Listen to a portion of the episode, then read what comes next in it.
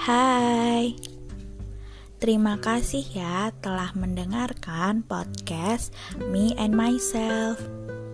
Jangan lupa untuk selalu tanamkan di dalam diri kamu kata-kata I am strong agar kamu selalu ingat bahwa kamu itu adalah pribadi yang kuat.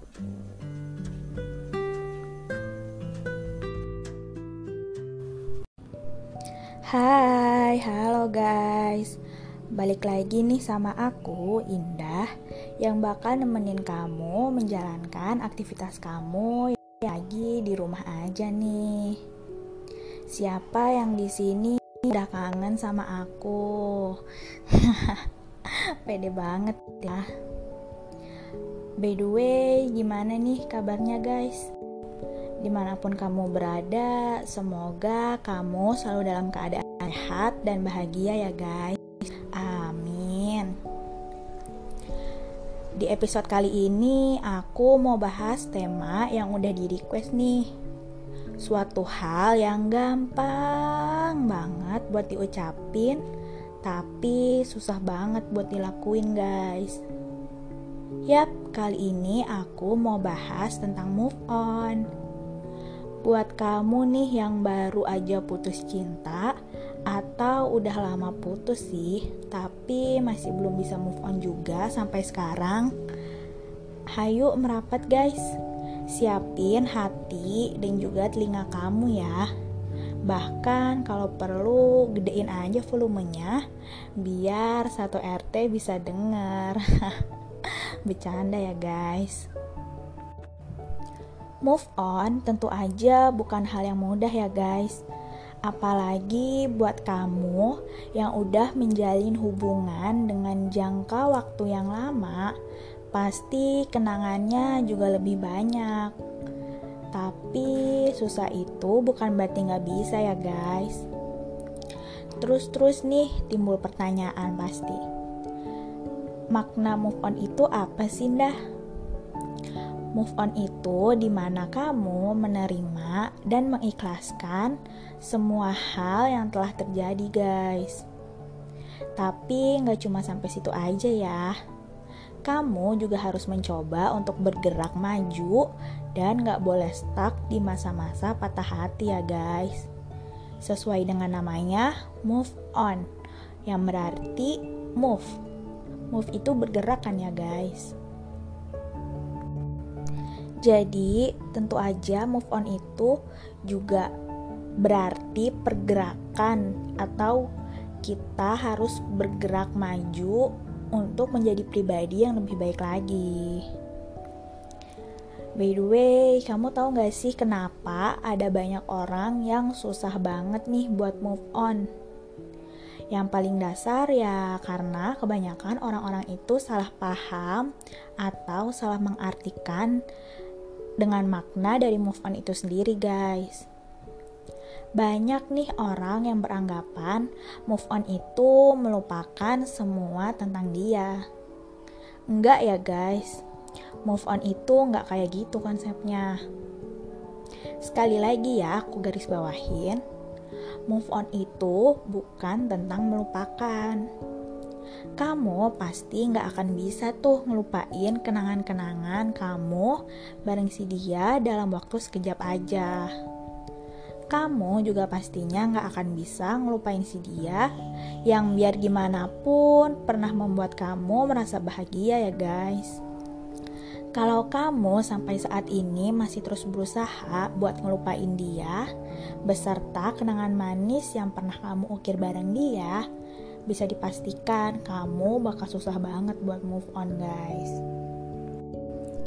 Menurut Lex Deprexis, salah satu coach di kelascinta.com, dalam opininya yang dilansir di kumparan.com, beliau menyebutkan nih ada beberapa hal yang seperti berusaha bergerak untuk maju, tapi sebenarnya hanya mondar-mandir dalam kubangan kelam yang bakal aku bahas nih satu persatu guys. Yang pertama ada ngotot tetap dekat, akrab, bersahabat, ngobrol setiap hari. Hmm, sebenarnya move on itu emang bukan berarti kita harus ngeblok semua kontak dia ya guys atau kontak sang mantan.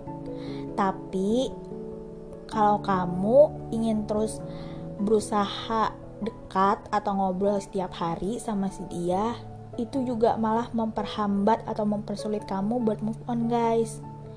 Karena itu sama aja kamu masih ketergantungan sama dia kayak kamu tuh nggak bisa lepas gitu loh dari dia kayak harus ada kehadiran dia terus padahal kan kalian udah putus dan yang mau aku tekenin sekali lagi kebahagiaan itu diri kamu sendiri yang ciptain bukan dia ataupun orang lain. Yang selanjutnya ada bertanya sana sini atau mencari tahu tentang alasan sebenarnya kenapa dia memutuskan hubungan kalian atau kenapa sih kalian itu bisa sampai putus. Hmm sebenarnya itu juga nggak boleh bukan nggak boleh ya kayak buat apa kalian tahu alasannya gitu loh guys yang selanjutnya itu ada bertanya sana sini atau mencari tahu alasan sebenarnya mengapa dia sampai memutuskan hubungan kamu dengan dia. Terus kamu kayak berandai-andai andai aja dulu aku nggak kayak gini pasti nggak putus nah itu tuh itu yang nggak boleh banget kamu lakuin karena kamu harus tahu atau kamu tuh harus inget guys. Kamu itu nggak bisa muter balikin waktu kamu nggak bisa kembali ke masa lalu. Kalau memang dia mutusin kamu itu berarti tandanya dia sudah tidak ingin memperjuangkan hubungan kalian dan juga kesalahan-kesalahan kamu di masa lalu itu buat jadi introspeksi diri aja guys supaya kamu jadi pribadi yang lebih baik lagi ke depannya. Terus selanjutnya ada sibuk menghabiskan waktu stalking dan menganalisa isi medsosnya. Ini sih mungkin yang sering banget ya dilakuin sama orang-orang yang baru putus di mana kayak stalking mantan, lihat dia udah punya gebetan baru atau belum. Sebenarnya itu wasting time banget guys. Dan juga malah nyakitin diri kamu sendiri karena semakin kamu kepo ya itu kamu nggak akan bisa lepas dari dia. Please, please banget stop hubungin dia. Please stop mencari tahu tentang dia karena itu tuh bakal uh, berguna banget gitu loh buat kamu supaya kamu bisa menyembuhkan patah hati kamu guys Terus selanjutnya nih ada menyimpan berbagai kenangan manis kalian. Hmm, sebenarnya sih nggak salah ya, dan nggak harus dibuang atau dihapus juga. Tapi yang salah itu kalau kamu setiap hari, setiap malam kayak meratapi nasib atau kamu kayak melihat kenangannya terus nangis. Nah, kalau kamu kayak gitu lebih baik barang-barang atau hal-hal kenangan kalian itu mending kamu umpetin dulu deh sampai patah hati kamu benar-benar sembuh dan kamu bisa menerima kenyataan guys.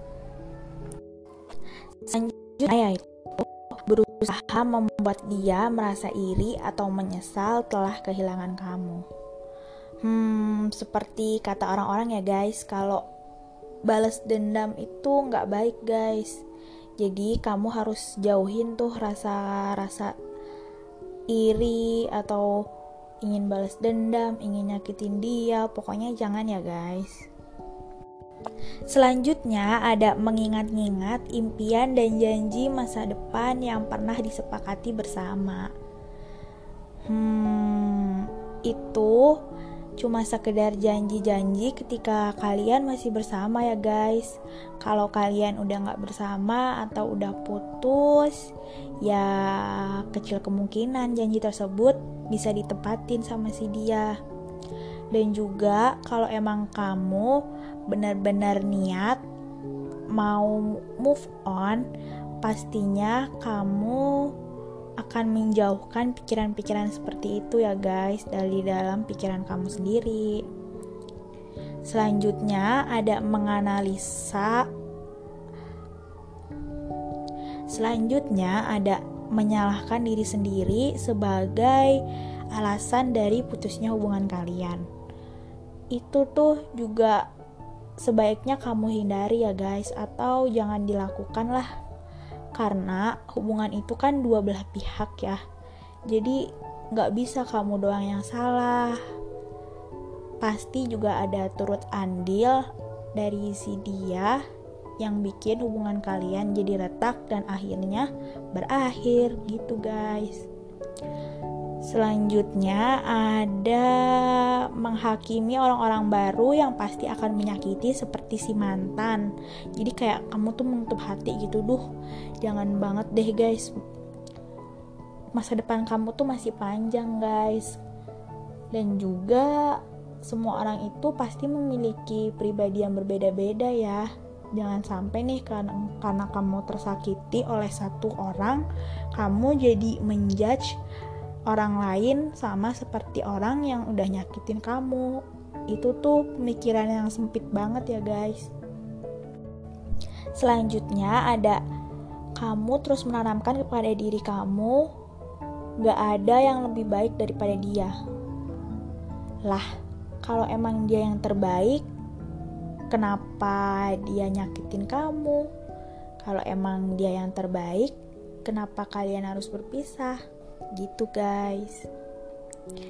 Terus ada lagi nih, rajin posting status sedih atau merana di medsos agar dia simpatik terus merasa bersalah.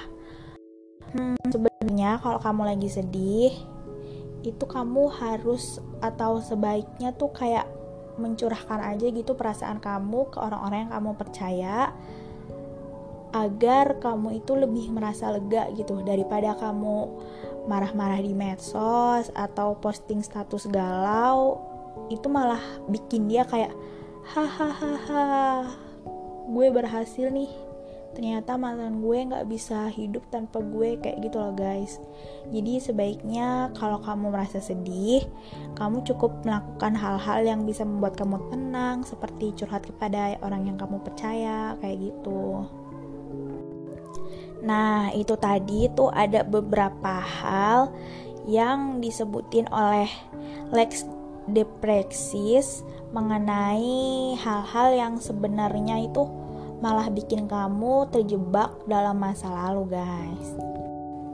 Selanjutnya nih ada tujuh langkah untuk menyembuhkan hati kamu versi Lex the Praxis guys atau yang biasa disebut Lex the Praxis checklist for moving on.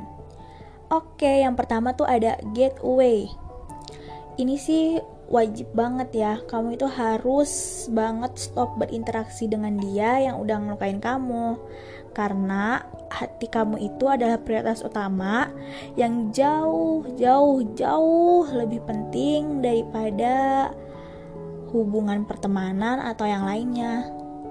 Sebenarnya sih nggak harus jadi musuh ya tapi seenggaknya tuh kamu harus istirahatin dulu hati kamu. Jangan berinteraksi dulu deh sama si dia. Yang kedua ada get clean. Kamu harus menyingkirkan semua kenangan-kenangan itu. Kayak foto, video, hadiah, dan yang lain-lain.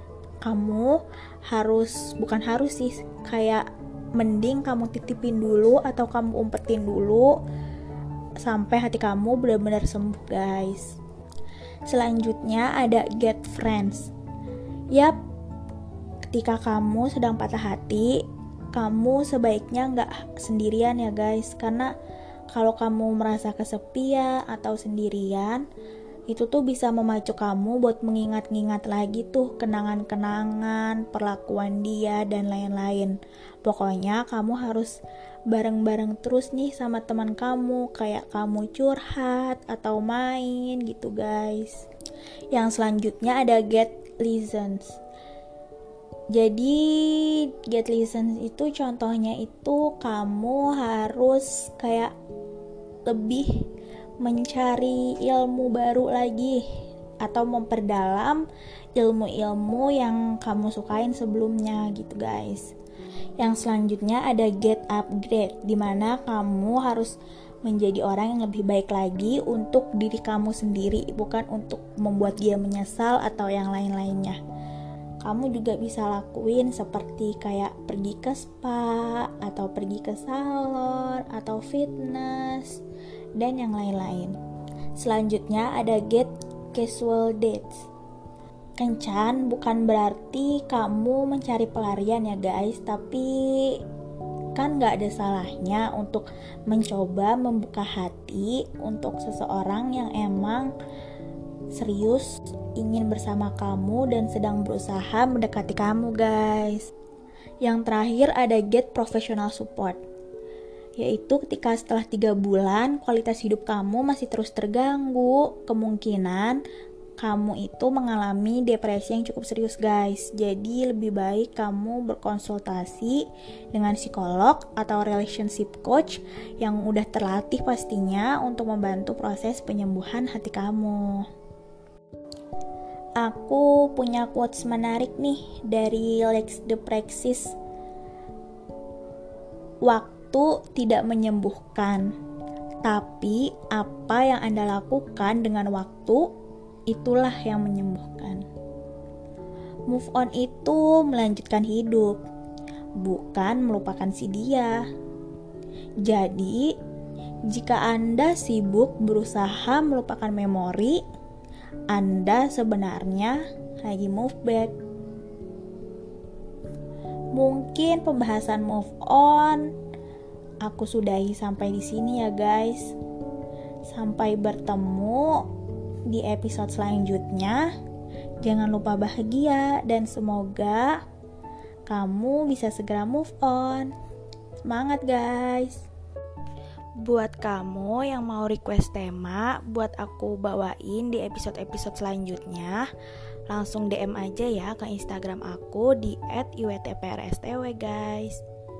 Sampai jumpa di episode selanjutnya. Bye bye.